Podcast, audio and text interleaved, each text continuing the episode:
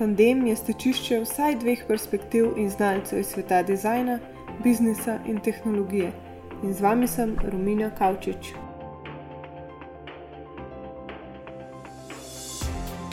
V današnji epizodi sem se pogovarjala z dvema strokovnjakoma, Borisom in Markom o umetni inteligenci.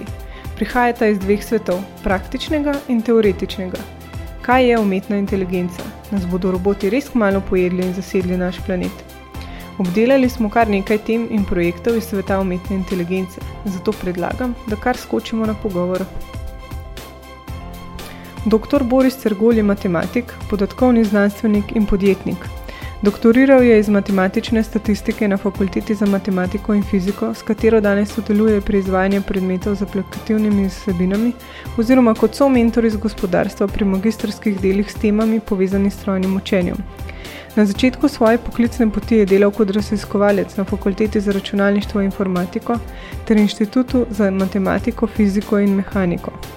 V letu 2000 je z partnerji ustanovil podjetje Iktimo, ki je specializirano za razvoj in vključevanje sistema umetne inteligence v poslovne procese svojih naročnikov. Rešitve podjetja so bile dvakrat nominirane za najpodjetniško idejo, podjetje pa je v lanskem letu prejelo tudi investicijo sklada Collector Ventures. Profesor dr. Marko Robnik Šikonja je redni profesor na Fakulteti za računalništvo in informatiko.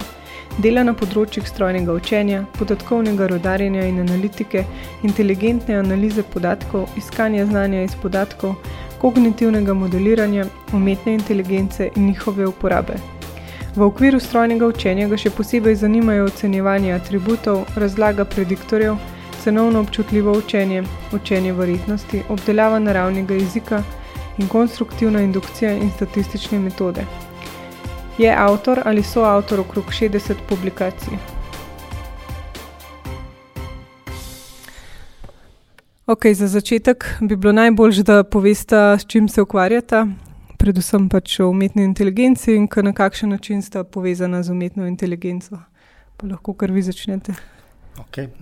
Moje ime je Marko Robnik Šikon, jaz sem profesor na Fakulteti za računalništvo in informatiko. Uh, ukvarjam se raziskovalno z umetno inteligenco že dolgo, odkar sem bil doktorski študent, meni 20 let. Um, Pravzaprav ukvarjam se na splošno z umetno inteligenco, bolj specifično pa z strojnim učenjem in obdelavo naravnega jezika. Uh, ja, pozdravljen, sem Boris Cergol, uh, jaz sem direktor podjetja Ektimo. Uh, podjetje se ukvarja z uvajanjem umetne inteligence v poslovne procese, tako da se nekako v okviru tega z umetno inteligenco tudi jaz še kakšnih 8 let ukvarjam um, s tem področjem. Zakaj ste si izbrali ravno umetno inteligenco, kaj je tako navdušujočega? Ja, umetna inteligenca je seveda izjemno navdušujoča, zato ker pač uh, so, je naš razum, naša uh, možganje, ne, so nekaj najbolj fascinantnega, kar sploh obstaja. Da, to me je že kot otroka privlačilo in sem si takrat že, že v srednji šoli se ukvarjal s tem. V bistvu. Ja, tudi, tudi jaz sem se v bistvu že v otroštvu za to navdušil, pač preko znanstvene fantastike na začetku. Um, potem, kasneje me je pa najbolj fascinirala ta ideja, ne, da v bistvu umetna inteligenca lahko toliko drugih tehnologij pospeši, pa jih spravi v realnost hitreje, kot pa če bi ljudje to vse poskušali narediti sami. Ne. Ja, to res je. Ampak, če gledamo recimo deset let nazaj ali pa dvajset let. Pa zdaj, a pod tem pojmom še vedno štejemo iste stvari, ali so zdaj to pač že nove tehnologije, oziroma itak imamo možnosti več, se mi zdi. Ja, to je zanimivo vprašanje. Ne? Zgodovina je učiteljica življenja in ene stvari so se pravzaprav predvidele že zelo dolgo nazaj, že v 50-ih letih tega prejšnjega stoletja, ki so se pa zaradi tehnoloških omejitev seveda niso mogli izvesti, ne? ampak so se pa kasneje izvajali. Tako da ta zadnji ta boom umetne inteligence, recimo je tako, kot, kot leta 2009 se začel, takrat, ko so se ti uh, grafične procesorske enote postale tako poceni, da se, da se je dalo nekatere algoritme zadosti hitro izvajati, da so bili sploh uporabni. Ja, mislim, kar se, kar se tiče uporabe v gospodarstvu in uh, rekel, tudi prodaje potem teh eh, stvari uh, nekim naročnikom, je nekaj, kar zaznamuje področje to, da se doskrat dogaja, da podobno stvar poznamo potem pod vrsto različnimi imeni. Ne. Zdaj, nekaj, kar je bilo svoj čas morda statistika, m, potem kasneje big data tehnologija, je potem skozi čas postala strojno učenje in zdaj v zadnji iteraciji umetna inteligenca. Ampak um, ne glede na to, ne, je tako kot je sogovornik omenil, ne, so, so se določene stvari v bližnji preteklosti zgodile in postale mogoče, ker vseeno diferencira to, kar danes počnemo, pa smatramo pod tem imenom, glede na to, kaj je bilo možno deset let nazaj, ne. ali pa še manj kot deset let. No, pri umetni inteligenci je mogoče treba še omeniti ta zgodovinski razvoj, pomeni, da so vedno velike obljube, ne, zato ker pač to je tako fascinantno področje in so ti glavni proponenti z tega področja so vedno veliko obljube več, kot se potem v resnici so lahko bili sposobni realizirati. Ne, tako da posledica tega so bile dve tako imenovani zimi umetne inteligence, ko se je uh, pač zaradi neizpolnjenih obljub se je pač ta navdušenje uhradilo na tem. Ja, pri teh zimah pa je po mojem dobro to izpostaviti. Ne, ne glede na to, kakšno navdušenje je bilo v tistih eh, obdobjih eh, pred nastopom vsake od teh zim, če bi pogledali, eh, kakšna je količina investicij v, v razvoj, v prav specifično področje, mislim, da je to, kar zdaj doživljamo, vsaj iz tega zornega kota, precej neprimerljivo in da si, da si lahko obetamo, mislim, da tokrat še, še, še več in še bolj impresivno. Ne. To, zdaj so investicije največjih tehnoloških podjetij in praktično cel svet se je zdaj vrgel to. Celotna ta industrija 4.0 ne temelji na tem. Mhm. Torej, danes govorimo o tem zaradi tega, ker pač imamo v bistvu procesorske moči so toliko večje, ampak vsem, če gledamo, vi se ukvarjate z finančno tehnologijo oziroma uvajanjem v poslovne procese, lahko pa govorimo tudi recimo v povezavi z robotiko.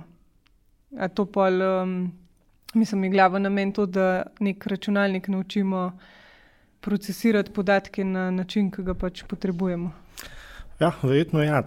Umetna inteligenca je predvsem način, kako neke kognitivne procese, ki so sicer lastni človeku, kako jih rekel, strojno zapisati. Meni, algoritmi so splošni, lahko se na zelo različnih področjih uporabljajo, kot pri financah, kot pri robotiki.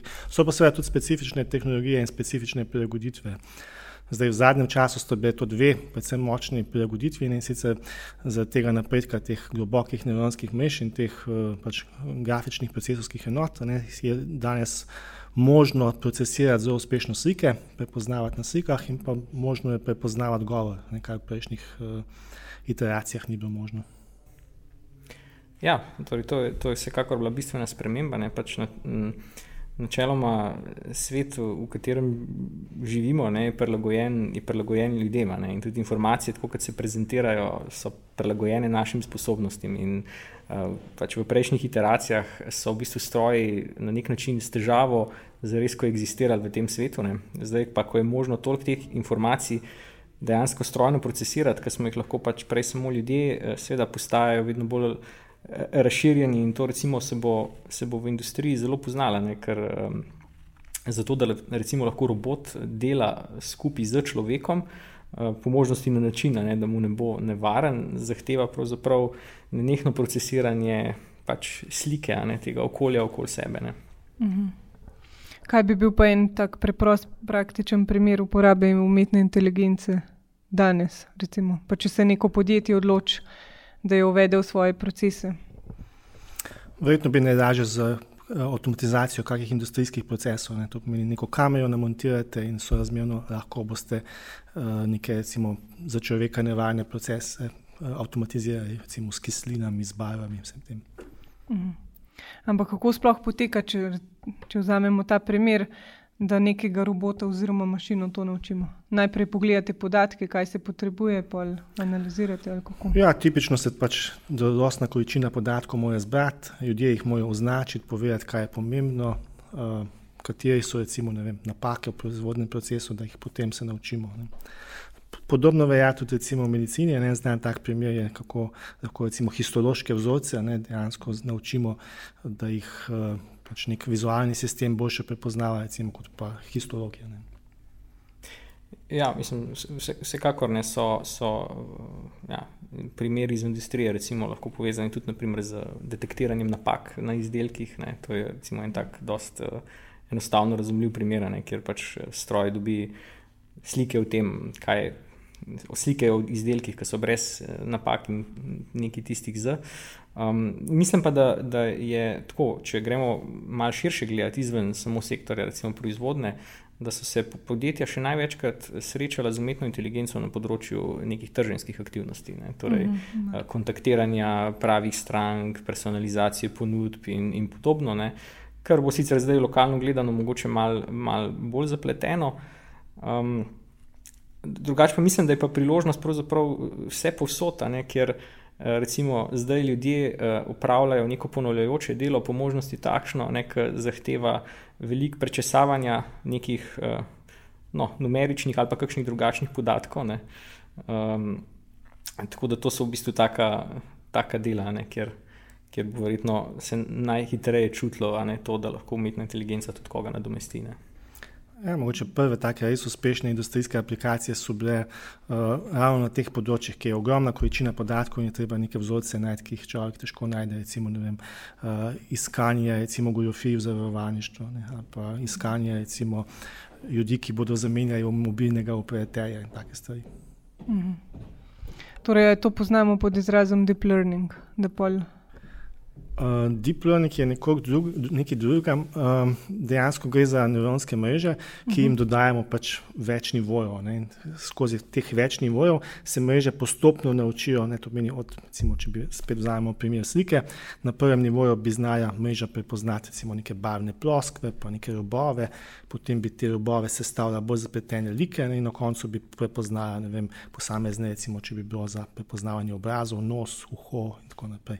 Skratka, skozi nivoje, ne, postopno dodajamo globino te mreže in tudi sposobnost, da, potem, da se kaj nauči. To je nekakšen deep learning, ki je zdaj v tem veliko govora v zadnjem času. Jaz se mogoče bi, bi naredil en, en tak mini, mini pregled, ne, zdaj, ker konec koncev, kaj, kaj je pravzaprav razlika, ne, kaj, se, kaj se je pravzaprav spremenil. Uh, torej, recimo, če govorimo o klasičnih ali pa zdaj teh globokih metodah strojnega učenja. Uh, pač na, na, načeloma se je recimo, za ta konkreten primer, o katerem smo prej govorili, ne, recimo odkrivanje goljufij ali pa napovedovanje odhodov strank, uh, te stvari se delajo v podjetjih že zelo dolgo, pač seveda so se mogoče v Ameriki začele bistveno prej kot pri nas. Uh, in te podatki so večinoma bili transakcijski podatki, podatki o, o rečem, demografski ali pa osebni podatki o kupcih. Ne, in recimo um, algoritmi so pač delali na teh podatkih, ki so bili shranjeni v relacijskih bazah. Uh, zdaj, to, kar je pa pač potem postalo mogoče uh, z uh, globokim učenjem, globokimi nevronskimi mrežami, je bilo pa zdaj razumevanje nekih podatkov, ki so pa recimo zapisani v prostem tekstu um, ali pa recimo še bolj v, v videoposnetkih, v slikah. In to so pa v bistvu zdaj neke uporabe, ki so sicer, kako bi rekel, v smislu raziskovalnega dela že zelo dodelane, imamo tudi že nekaj primerov uporabe tako, ampak glavni val aplikacij, recimo v, v poslovnem okolju, pa šele prehaja. Ne. A bi po to pol šteli tudi to, kar zdaj iz člankov prepoznavajo nek sentiment? Ali? Ja, to je ena od tehnologij na področju jezika, uh, ki je zelo uporabna na področju tudi, uh, družbenih ved in sploh razpoznavanja tega obnašanja ljudi. Gre v bistvu za to, da pač analiziramo besedilo uh, in ga potem na podlagi že označenih primerov klasificiramo, skratka ga razvrščamo v različne razrede sentimenta, recimo pozitivna naklonjenost do nekega izdelka, pa politika, pa negativna naklonjenost. In glede na to, da gre za take velike količine podatkov, kot je recimo množica vseh tweetov za neko slovenščino ali pa forumskih komentarjev, nihče tega ne more dejansko več obdelati ročno in je pač nujno, da se uporabi ta tehnologija. Mm. Zdaj, v smislu iskanja tako, na nek način sentimenta, ki sem prej omenil te video, video tehnologije, ne, pa bo verjetno šlo v tej smeri. Recimo, ena so um, analitika obiskovalcev v fizičnih trgovinah, ne več samo na, na spletu. Ne, torej, potem, recimo, pri, pri zaposlovanju ljudi sem pripričan, da nismo več zelo daleč, da, bo, da bo med intervjuji prisoten tudi uh, kakšen stroj, ki bo spremljal naše reakcije na, na premetena vprašanja. Nam ne bo um, treba več sploh priti fizično. Ja, mislim, ne, dejansko sistemi, ki izbirajo kandidate na podlagi recimo, tega, kar, kar napišajo v CV-je, ali pa tega, kar lahko sistemi v njih uh, razberejo iz kakšnih uh, družbenih omrežij, to, to je že nekaj, kar se izvaja. Ne. Sicer mogoče bolj v Ameriki, v Angliji, ampak, ampak to, to je tehnologija, ki je že tukaj. Zdaj, uh, naslednji korak je pa seveda to, kaj, lahko, kaj se bo lahko nek. Nek objektiven stroj naučil nekom iz tega, da ga bo pač opazoval, ne? njegove reakcije ga gledal. Mhm. Ampak verjeten je največji izziv, da razume stroj naravni jezik. Mislim, da je recimo angliščino lažje procesirati, glede na to, da imajo. To je uh, jezik, ki je eden od najtežjih problemov, ne pa zapravo Turingov, Turingov test, ne obstaja, ki ga je Aaron Turing kot eden od začetnikov sploh računalništva predlagal, je, da imate na eni strani mogoče stroj, mogoče človeka, na drugi strani pa izpraševalca in ta postavlja vprašanja in če lahko ugotovi na drugi strani, kdo je, a je stroj, a je, a je recimo robot, potem je ta dejansko ta robot preš, uspel ta Turingov test uh, narediti in je inteligenten. Ne. To mi ta test inteligence dejansko temelji na jeziku, zato ker jezik pač vsebuje ogromno kontekstualne informacije, treba vedeti, če hočemo se normalno pogovarjati. In uh, seveda jezik je pač težko raziskovano področje, ampak na njem se zelo veliko dela. Uh, nekaj tudi na slovenščini, veliko tehnologije, takih, ki so preko jezične, ki delajo za vse jezike. Uh, Je pa res, da za angliščino je bilo največ, daleč največ podatkovnih baz narejenih, daleč največ podatkov je označenih, zato je trenutno, po mojem, najboljše sprocesirano od vseh jezikov. Ja, je pa, mislim, recimo v teh aplikacijah prej je ta sposobnost do neke mere razumevanja jezika, ne, je pač v bistvu samo ena, samo ena od komponenta. Ne. Rekel, zaznavanje nekih, nekih čustvenih reakcij je čisto v bistvu vizualen Svoje. problem. Ne, k, Sam, recimo, če pogledamo Sofijo, pa pač te robote, ki jih delajo, kako, z, kako se to sploh začne? Oni dajo nek recimo, nabor besed noter in pa jo pustijo, da se učijo, se sama od sebe uči. Mislim, kako poteka ta razvoj. Glede na to, da zdaj že ona se tudi lahko izraža pač z nekimi izrazi. Zdaj, Sofija je v bistvu medijska jaca, ne pač jo poznamo. Doben uh, resen uh, znanstvenik, ne eme resno ne, z tega področja. To je v bistvu tako imenovani chatbot, ne, v bistvu, z nami ne eme pa zato, da nekako vrača te odgovore, ki so nam všeč, pa neko znanje ima sicer ugrajeno, ampak v resnici nima dobenega razumevanja ali pa nekega globokega razumevanja sveta. In, uh, Skratka, nekako se ve, da je za vsak ta dogodek posebej pripravljena in da z neko bazo znanja in z nekimi naprej pripravljenimi odgovori. Tudi, ne. Torej, ne obstaja robot, ki bi se naravno pač. Ne, ta tako imenovana uh, splošna inteligenca ne obstaja v tem trenutku. Mislim, vsekakor ja, tako kaže, da ne. ne. Uh, so, pa, so pa eh, lahko kakšni zanimivi primeri nišne uporabe, recimo znotraj posamezne domene. Ne. Naprimer, to, kar je zelo pred kratkim Google demonstriral, to svojo storitev Duplex, uh, katere podrobnosti sicer ostajajo zaenkrat skrite, še niso, bom rekel, odgovorili na vprašanja povezana s tem, ampak torej gre za uh, v bistvu inteligentnega asistenta, ki se je sposoben preko preko telefona, recimo, dogovoriti za termin obiska pri ne, frizerskem salonu. Sam so bili kar dosti za primeri.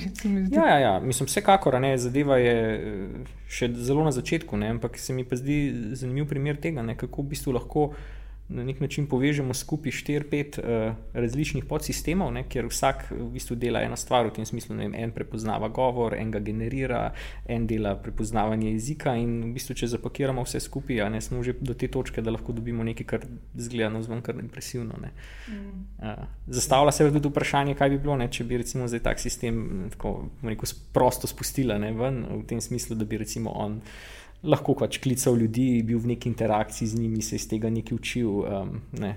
Se ja tega ne bodo naredili, ampak uh, je pa potencial pa je tam. Ne bi bilo kar v redu, ja. sploh če nekakšno davčno sam kliče. ja, tako, omejene domene so to, v katerih predvsej dobro delajo ti sistemi. Ne. To meni za omejen besednjak, pa za omejen ta nabor znanja, ki ga je treba imeti v zadju, uh, ti sistemi že predvsej dobro delajo. Recimo se tudi imamo ti razne asistente v, v teh klicnih centrih, ki so lahko čisto roboti in funkcionirajo. Zato, ker so tako specifična ta vprašanja, ki jih uporabniki imajo. Ja, pa večinoma imamo res vse iste. Ne? Torej, bi lahko rekli, da zdaj umetno inteligenco samo na določena področja apliciramo, ni še posod um, sposobna. Ja, um, rekel, da so ta področja, jih je zelo veliko, jih je zelo dosti, ampak so pa tako, vsaka je fragmentirana. So, ne? ne obstaja nekaj, kar bi ta različne, rekel, specializirane uh, koščke umetne inteligence, kar bi jih povezovalo. Ne? tega pa še zaenkrat ni. Je nekaj poskusov, kako se to narediti. Uh, se mi pa zdi, da je to problem, ki bo še dolg aktualen, tako da to še ne bomo tako hitro tega problema rešili. Ja, težava je recimo ta, ne, da um, sicer uh, znotraj vsake domene ne, se, se, se zadeva uči na nek način iz začetka. Um, In potem, recimo, ko se nauči na, na eno domeno, nekako to osvajanje naslednjih domen, je, je problem. Torej, um, recimo, pravni asistent, naprimer, bi težko postal um, dober uh, telefonist v klicnem centru. Torej, tega prehoda, pre, prehodi zaenkrat uh, niso zares možni. Ne. Se pa trudijo, ne, recimo, delati sisteme, ki se učijo igrati računalniške igrice. Naprimer, ne, ti, in so že taki, ki se, se jih naučijo večkrati. Uh, Dobro je igrati, ne, ne samo ene. Ne. Ampak um, če gledamo iz vidika kadrov, pa pač tega strahu, da bi nas s časoma zamenjali. Če gledamo neko umestni korak, bo zdaj bolj pomembno za podjetja, da vlagajo v dobro infrastrukturo, zato da imajo pač določene stvari že z umetno inteligenco rešene, a vseeno dober kader. Hm. Jaz mislim, da bo vseeno dober kader, mora biti še dolg časa. Uh, infrastruktura postaja poceni, uh, sorazmerno poceni, lahko dosegljiva v oblaku. Je. Uh, Medtem ko pa za ljudi, ki bodo pa znali recimo, to umetno inteligenco boljše uporabljati, da bo podjetja bolj produktivna, kar je verjetno cilj, uh, jih bo pa ravno tako treba uh, dobro plačati in izobraziti in naučiti konkretnih stvari. Ja, jaz vidim, ne, glavna, glavna barijera zdaj ni več v tem, ne, da ne bi imeli pač, tehnologije in znanja v, v širšem pomenu na voljo. Ne. Glavni problem je uvajanje in apliciranje tega, da se, da se začne uporabljati v realnih kontekstih. To je v bistvu tista, tista domena, ne, kjer je potrebno neko specifično znanje, pa izkušnje, ker hkrati treba poznavati tehnologijo, na drugi strani pa znati dobro delati z ljudmi, ki so tisti, ki pač v večini primerov še vedno uporabljajo te sisteme. Ne. In na, na infrastrukturi ja, se v bistvu ti tehnološki giganti neprestano delajo na tem. Medtem ko na tem uvajanju stvari v konkretne primere, ne, to je pa nekaj, kar se mora večina podjetij recimo spopasti sama. Ne. To je pa že zelo star problem, ne, recimo, kako iz znanosti stvari prenesti v proizvodnjo, v industrijo. Uh, nihče ga še ni čisto zadovoljil, rešil. To je pač družbe poskušajo, ampak dejansko je ta komunikacija, ta način je pač težaven. V kakšnem smislu? Um, v smislu, da pač imamo recimo, na univerzah zelo veliko znanja, uh -huh. uh, zelo veliko ljudi, ki nekaj posamezne stvari dobro poznajo, ne, ampak jih je zelo težko potem v industrijo prenesti domeni v industriji, pa imamo ljudi, ki seveda drugače razmišljajo, ki vidijo, kako bodo tisto stvar naredili vem, uspešno, profitabilno. Uh, in te dve skupini ne govorita istega jezika in se težko skomunicirata. Mhm. -huh. ja, se mi mogoče zdaj prevelik izziv v bistvu. Ali pa mogoče prevelik korak, da bi implementirali. Ja, velik korak je in to je podobno zdaj kot pri umetni inteligenci. Ne, skakaj, imamo na eni strani uh, kako bomo imeli, kup tehnologije, ne, da bodo dejansko v podjetjih zaživeli, da jih bodo nauč, ljudje, nau, ljudi naučili, da bodo te stvari začeli drugače razmišljati, da jih bodo začeli uporabljati. Od tega pa se mi zdi še kar mogoče celo generacija, da se to zamenja. Dost takih sistemov je, ki bo v bistvu njihovo uvajanje na začetku pripeljalo do tega, da bomo morda rabili celo malo več ljudi, na, vsaj znotraj določenih domen, ki jih rabimo zdaj. Ampak jaz mislim, da, da pa tle je neizogibno, ne, da bo um, pač potreba po, po človeški delovni sili bo na račun uvajanja umetne inteligence na mal daljši rok upadla. Uh, seveda pa ne smemo pa podceniti uh, sposobnosti ljudi, ne, da si izmišljujemo dela uh, vedno nova, ampak mogoče tudi kakšna taka, ki so pravzaprav lahko sama sebi namen. Torej, da, uh, se nek, da se preko tega v bistvu zdržuje ne, nek eh, stabilen družbeni red. Ne. Eh, pa čeprav za, te, za ceno tega, da damo ljudem delati stvari, ki jih v resnici ne bi rabili delati. Ne. Mhm. Ja, to res je. Pa v bistvu tukaj pride tudi um, ta izziv, da, oziroma mogoče se celo zdi, da mi premzamo kakšne stvari zaradi tega, ker pač pol vemo, oziroma nas je strah, da bodo prišli res roboti. Ja, to, recimo, tega strahu pred umetno inteligenco je pravzaprav kar precej. Ne? V medijih se veliko govori o tem, kako nas bo roboti nadomestili, kako bomo nam vzeli vse službe in kako bo uh, se marsikaj zgodilo, kako bo človeštvo postalo popolnoma odveč. Ne? Ampak to pravzaprav nekaj pove več o človeštvu samem. Mi, kako mi gledamo, kaj nas je strah, kje so tisti naši strahovi. Kako tudi, če to pogledamo, ne? Zdaj, če bi prišla neka inteligentna rasa iz vesolja, nekaj, a bi nas kar uničila. Mislim, da bi pa to meni nekako tako gledamo. Ne. Skakaj, mogoče zato, ker smo tudi mi uh, veliko stvari uničili, ko smo imeli to možnost. Ne. Mm. Ja, pa predvsem to, da recimo, če, programer, eh, ne, ja, če programeri delajo neodgovorno, vprašanje, kaj se lahko s temi roboti zgodi. To je moje vprašanje za vse tehnologije. Ne. Vsaka tehnologija se da zlorabiti in tudi se je zlorabila v velikih primerih. Ne. Tudi zdaj se vojaška industrija ogromno vlaga v, v umetno inteligenco in pravzaprav ta oboroževalna tekma že poteka ne, med večjimi igralci na tem področju. Ja, se, če giganti pridejo zraven, pa pač vlagajo veliko bolj težko. Uh, ja, mislim, da se mi zdi, da ljudi tako po, po, po naravi fascinirajo te, te grožnje, še posebej, če jih vidijo kot eksistencialne, po drugi strani pa te uh, neko kakšne. Eh, stvari, ki pa malo olajšajo življenje, pa hitro v bistvu zginejo iz fokusa in jih, in jih smatramo kot nekaj, kar je samo po sebi pomembno. Ne. Um, ne vem, mogoče bi se nam. Uh, Ja, takrat, ko govorimo o kakšnem prevajalniku teksta, ki nam olajša razumevanje nekih spletnih strani, ne, takrat ne razmišljamo istočasno o tem, ne, da je to zdaj neka umetna inteligenca, ki nas bo potencialno, ne, ko bo dovolj napredvala, ne vem, uničila. Ne. Ja, to je res. Ja. Tudi iz vidika umetne inteligence, pa povezave z marketingom, ne razmišljamo. Ne. Pa nam vsem pomaga izluščiti vem, top uh, uporabnika. Ne. Kateri projekt je pa vama najbolj zanimiv, lahko je lasten ali pa tudi kaj drugega? Okay. Recimo, meni je uh, mogoče v tem trenutku najbolj fascinantno te prekojezične tehnologije, ki obstajajo. Uh, dejansko obstajajo neke eh, preslikave v vektorske prostore, ki vse jezike lahko v isti vektorski prostor preslikajo in na ta način cel kup novih orodij omogočijo, uh, ki delajo kar naenkrat za velike jezike hkrati. To me recimo, se mi zdi trenutno en tak zelo uh, perspektiven del umetne inteligence. Pa tudi, mislim, če kaj delate na faksu s tem? Pa. Ja, tudi s tem se ukvarjamo. Ne. Imamo doktorske študente, ki delajo na tem. Uh, Kakšni to... so pa kakšni tako zanimivi projekti, ki jih delate? Um, nekaj imamo projektov na jeziku, uh, imamo pa tudi splošne jezike. Recimo, trenutno imamo enega študenta, ki za eno slovensko podjetje uh, razvija tako, avtomatski mešalnik smetane, recimo, ki se bo samo stalo, takrat, ko bo smetana zmešana. Ne. In po čem to ve? Ja, s kamerico ima montirano in gleda, Aha. kako se ta sled v, postaja vse bolj trdna in čvrsta. Ne, Aha, torej ima od... sistem vse faze smetane noter, shranjene. Ja, posneli smo veliko tega mešanja smetane. Ne. Uh, ljudje so zelo smetani, pojedajo. Ampak, uh, ja, zdaj, projekt. Zdaj ta stvar. No, hočel sem povedati, bistvo, tako, da imamo zo, od zelo prizemljenih projektov, ne, do tudi takih, ki so še mogoče, ki bodo pred, še nekaj let, preden bodo prišli v uporabo. Mm. In koliko časa poteka recimo učenje um, sistema, naprimer za smetano?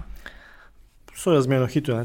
Daljši čas trajanja je bilo to snemanje samo, ne, to je trajalo dva, tri tedne, ne, potem uh -huh. smo mhm. pa to samo učenje pa se je zgodilo sorazmerno hitro. Seveda potem je treba še to prilagoditi, da bo to robustno postalo in da bo v nekem industrijskem izdelku to dejansko funkcioniralo in da bo v okviru enega večjega uh, programske opreme to funkcioniralo. To je tudi izziv za podjetje, ne, ki, da to začne delovati. Mm -hmm. Je ful dobro. Ja, mislim, jaz, jaz bi rekel, mene najbolj na nek način tako fascinirajo ti projekti, za katere mislim, da da imajo potencial, da, da lahko v ne zelo daljni prihodnosti bistveno rekel, spremenijo vsa, naš vsakdanjik. Ne. Um, ne vem, recimo tukaj, um, prej sem omenil ne, te pametne trgovine. Ne, ka, pač to čakanje v vrstah je neka taka tična stvar, ki nas doleti praktično vsak dan. Um, potem se ja samo vozeči avtomobili. Ne, pač, kot recimo nekdo, ki moram reči, ne, nisem posebno ljubitelj vožnje avtomobila, rad se pelem, ne pa to vozim, uh, se mi zdi super. Pa, mogoče kakšni pro, projekti v medicini, ne, ker uh, je, bom rekel, zaradi dostopnosti do teh podatkov, ne, ponovadi, mislim, še ogromno neizkoriščenega potencijala, ne, da se v bistvu kakšne, kakšne bolezni bistveno hitreje detektira kot zdaj. Ne. Uh, Ampak spet, recimo, potrebujejo pol za te raziskave dovoljenja vseh uporabnikov, ali kako to se na zgodovini učijo.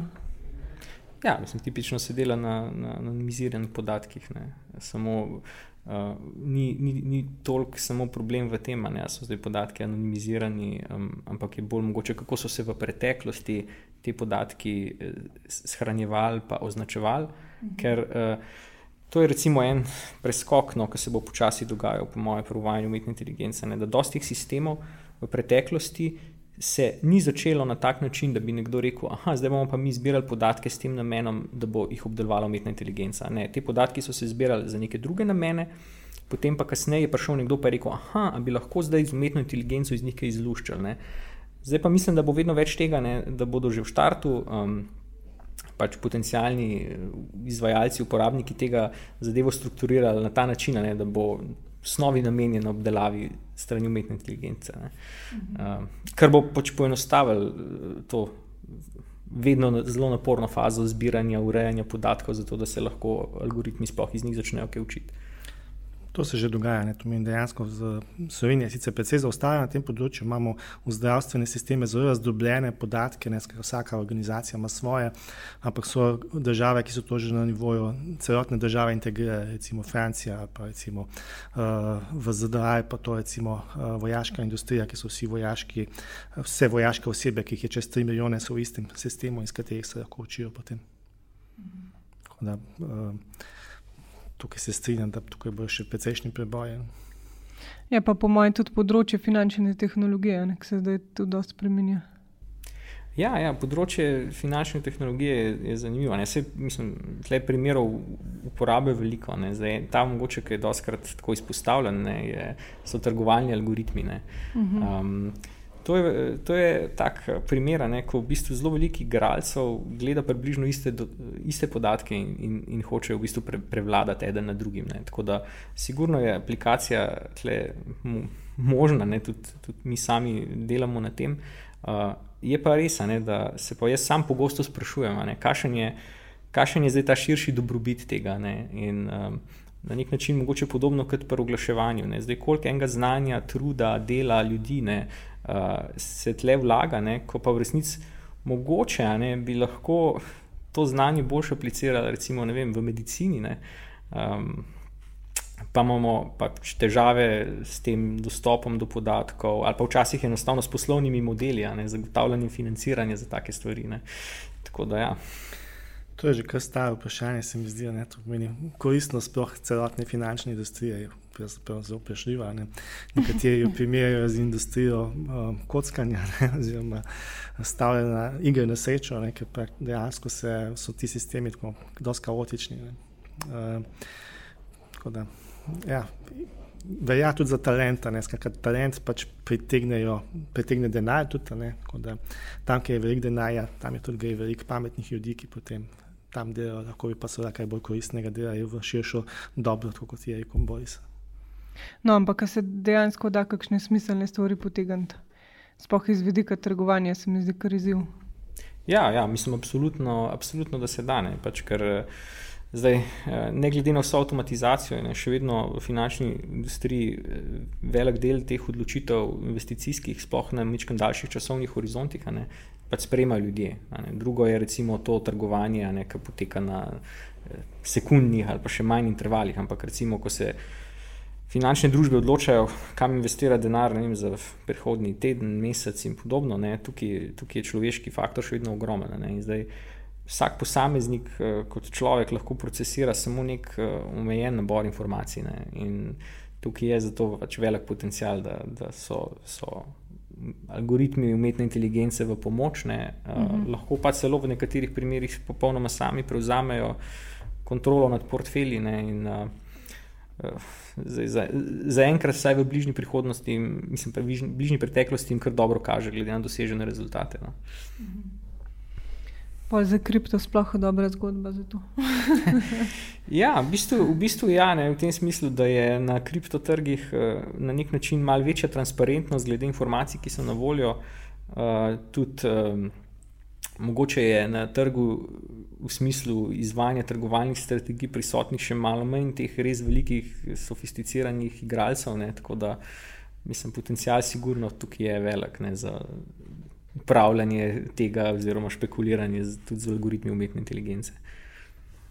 Je ja, kaj pa povezava umetne inteligence in blokčina, pa ne zdaj v smislu trgovanja, ampak na drugih področjih, če se to zdaj že delajo, kakšne raziskave ali pa vem, projekti, eksperimenti. Ja, gotovo se delajo. Uh, rekel, pač blockchain nekako zagotavlja neko privatnost, ne, načeloma. Ne. Da, pri, privatnost je pa tudi v umetni inteligenci zelo pomembna. Ne. Pravzaprav obstajajo prav posebej podpodročja, recimo strojnega učenja, ne, privacy preserving data mining, recimo, ki nekako zagotavlja, da to, kar boste odkrili, da s tem ne boste razkrili identitete tistega, katerega podatka ste obdelovali. To, to se tudi, tudi ta tehnologija blockchaina nekako, se tudi vključuje v to pa verjete na drugi strani tudi lažji dostop do podatkov. Vprašanje, to pa nisem tako pripričan, da bo dejansko lažji dostop do podatkov. Mislim, iz vidika, da je transparentno vse, kar se pač objavlja na mreži. Um, ja, ampak seveda ta problem zasebnosti in privatnosti, vem, po mojem, ostaja. Vem, jaz ga ne vidim rešenega z blockchainom. No. Uh mhm. Ja, mislim, menimo, mislim, nekatere, nekatere ideje so ne, na tem področju, ki so v bistvu sinteza obeh tehnologij. Ne. Zdaj, ena je ta ideja, ne, da se poveže recimo, več eh, recimo, tem uporabnikov, ne, ki delijo skupaj te podatke eh, in so zato na nek način kompenzirani, potem se pa lahko na teh podatkih.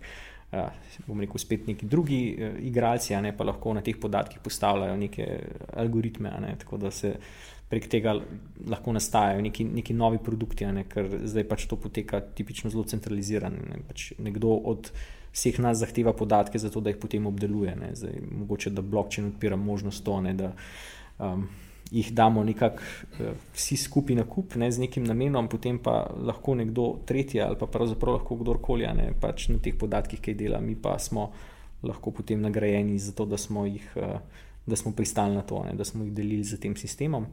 Drugo pa seveda je to, ne, da eh, pač to mrežje, pa vse te transakcije, ki se beležijo, uh, ja, so pač javno dostopne ne, in zdaj verjamem, da se da tukaj z um, algoritmi mnogo videti. Ne, nekatere od teh stvari tudi, eh, bom rekel, mi delamo ne, in se s tem ukvarjamo. Ja. Pa se vam zdi, da vse pelje v neko tehnološko singularnost? Zdaj, singularnost ne, načeloma pomeni to, da bomo imeli stroje, ki bodo uh, sposobni izdelati še bolj pametne stroje, in ti bodo izdelali še bolj pametne stroje, in da se bo ta stvar vse hitreje in hitreje vrtela, in na koncu bomo skakali, prebili meje inteligence in bodo ljudje postali popolnoma uh, odvečni. Zdaj, nekako ni videti, da zaenkrat nimamo na svetu niti enega samega stroja, ki bi bil sposoben izboljšati samega sebe v resnici. Da, Sofijo. uh, tako da dejansko je to pač bolj kot ne nek medijski pomp, ne glede okoli tega, pač še eno od teh strahov, ki jih imamo, ne, kako bomo kmalo odveč, ampak uh, mislim, da ni realno.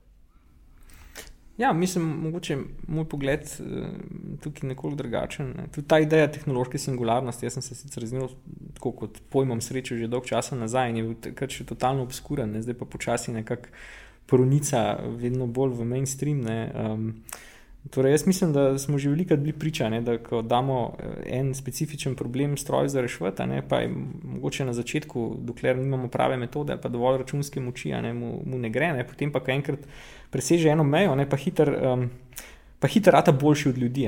Zdaj, v nekaterih primerih se je to zgodilo tudi s takimi problemi, kot je recimo pre, prepoznavanje stvari na slikah. Mislim, še ne tako dolgo nazaj ne, se je veliko govorilo o tem, ne, da tukaj pa res uh, nič ne kaže, ne, da bi stroji postali boljši ne, uh, od nas. Ne. In um, tako jaz vidim, ne, da je po svoje samo vprašanje časa, ne, na vedno več teh specifičnih domenah, uh, pa da bodo stroji boljši. Ne. In konec koncev to, da smo mi sposobni pisati kodo in razvijati stroje je spet ena človeška lastnost. Ne, ne, bi, ne bi hotel preveč a priori uh, tega, uh, to, to možnost odšteta, zakaj, zakaj ne bi stroje kdaj postali boljši tudi v tem. Uh, zdaj, kar se tega pa tiče, ne, da, bi pa, da bi pa ljudje ostali nekje zadaj, ne, pa jaz mislim, da bo verjetno v eni točki to stvar. Um, Stvar odločitve posameznikov, ki bodo pač takrat živela. Ne. Eh, pač eni bodo se vedno bolj integrirali in povezovali s tehnologijo, ne, kar vidimo že zdaj. Ne. Včasih smo, smo gledali ne, televizijo daleč, ne, zdaj si dajemo gor na glavo eh, čelade za virtualno resničnost. Ne, eh, tehnologijo pač vedno bolj spuščamo bliže in bliže. Ne. In jaz mislim, da se ta trend ne bo ustavil. Eni ljudje bodo šli pač še naprej. Ni, že zdaj se govori o teh aplikacijah, ki probajo razbirati neke stvari ven iz. Um, valovanja možganih, ne, uh, pa seveda tudi o tem, kako bi zdaj lahko ne samo prebirali, ampak tudi avtomatsko pošiljali kaj notrne. Uh, Medtem ko verjamem, da pa, pač se bodo eni ljudje odločili, ne, da, to, da je to treba to zanko prekiniti in, in, in ne, bodo, ne bodo šli naprej. Ne, v tem smislu bodo zadovoljni s to eksistenco, pa tem, kar jim je znano in bodo želeli na tem ostati.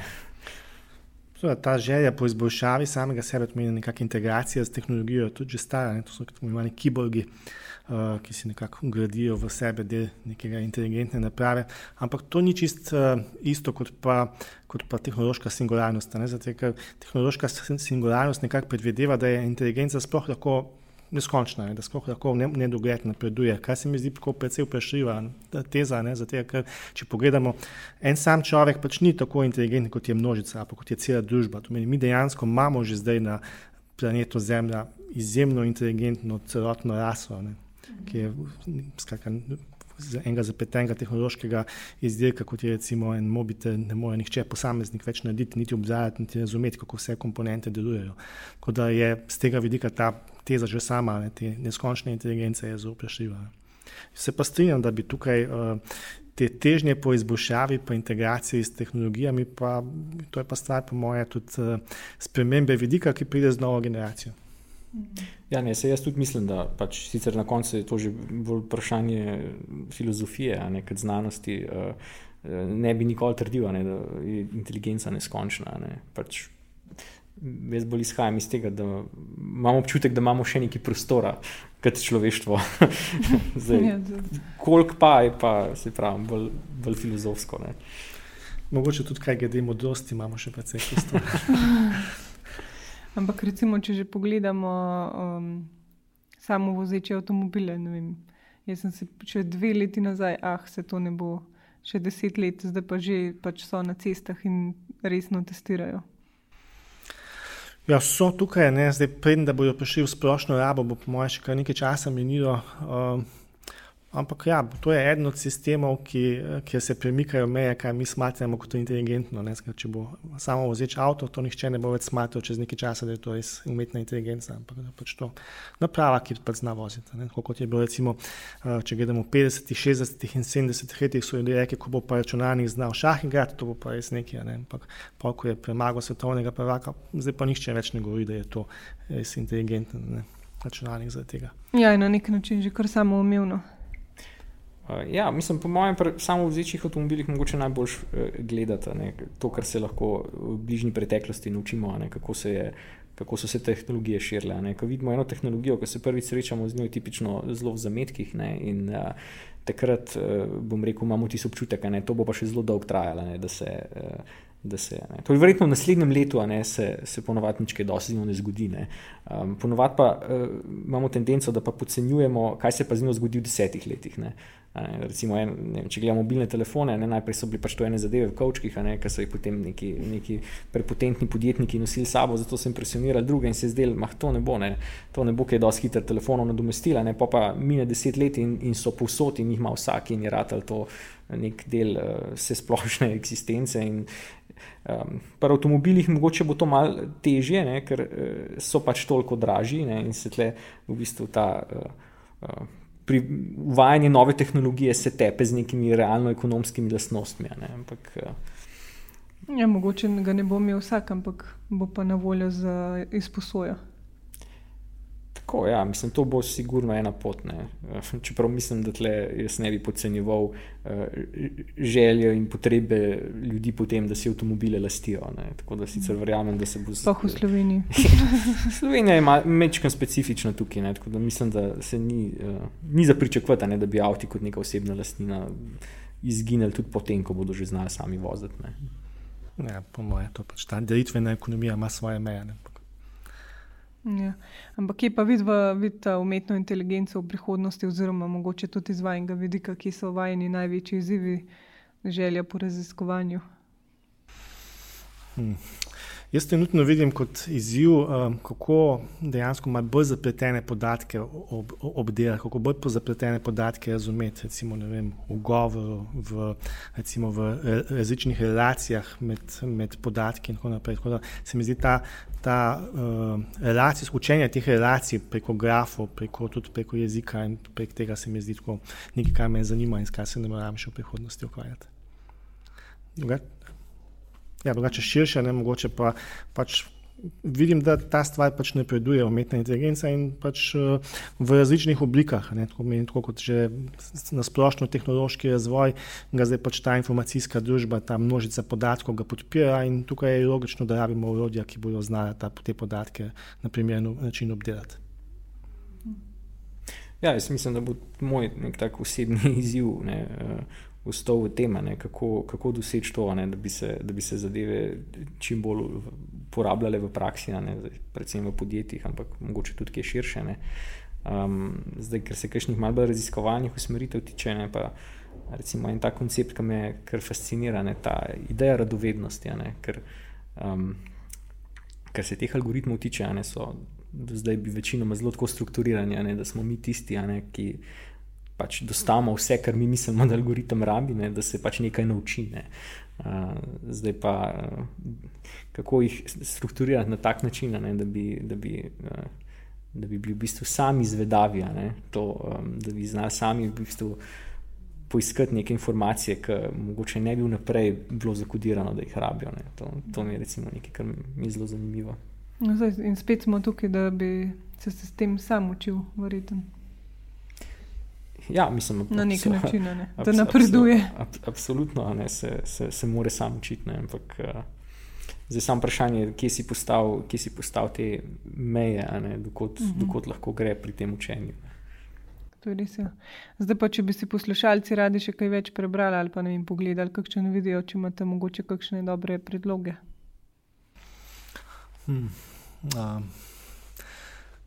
Zdaj, mislim, da kar se tiče bolj poglobljenega uh, učenja, je zdaj na svetu ogromno, ogromno znanstvenih člankov, ki so, ki so prosto dostopni. Ne.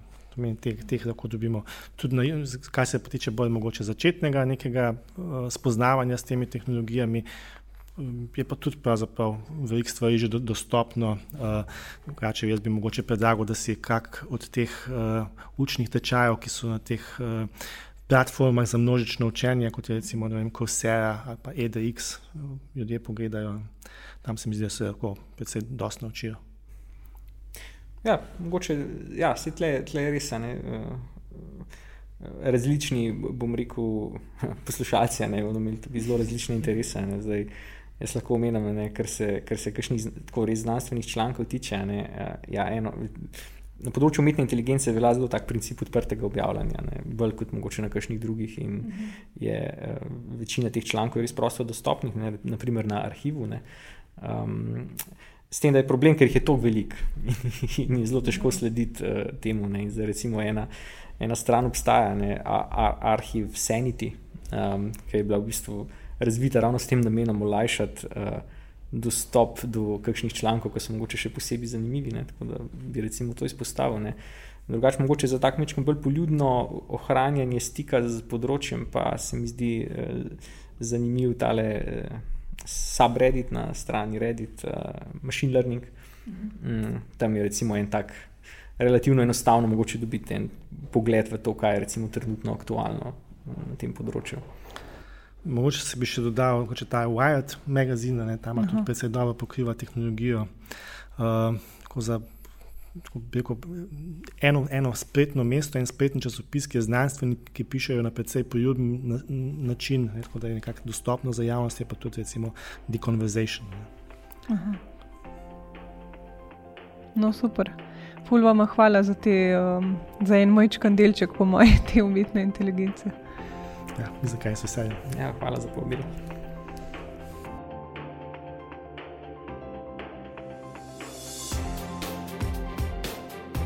Tandem lahko spremljate na Twitterju, Instagramu in Facebooku pod Poslušaj Tandem.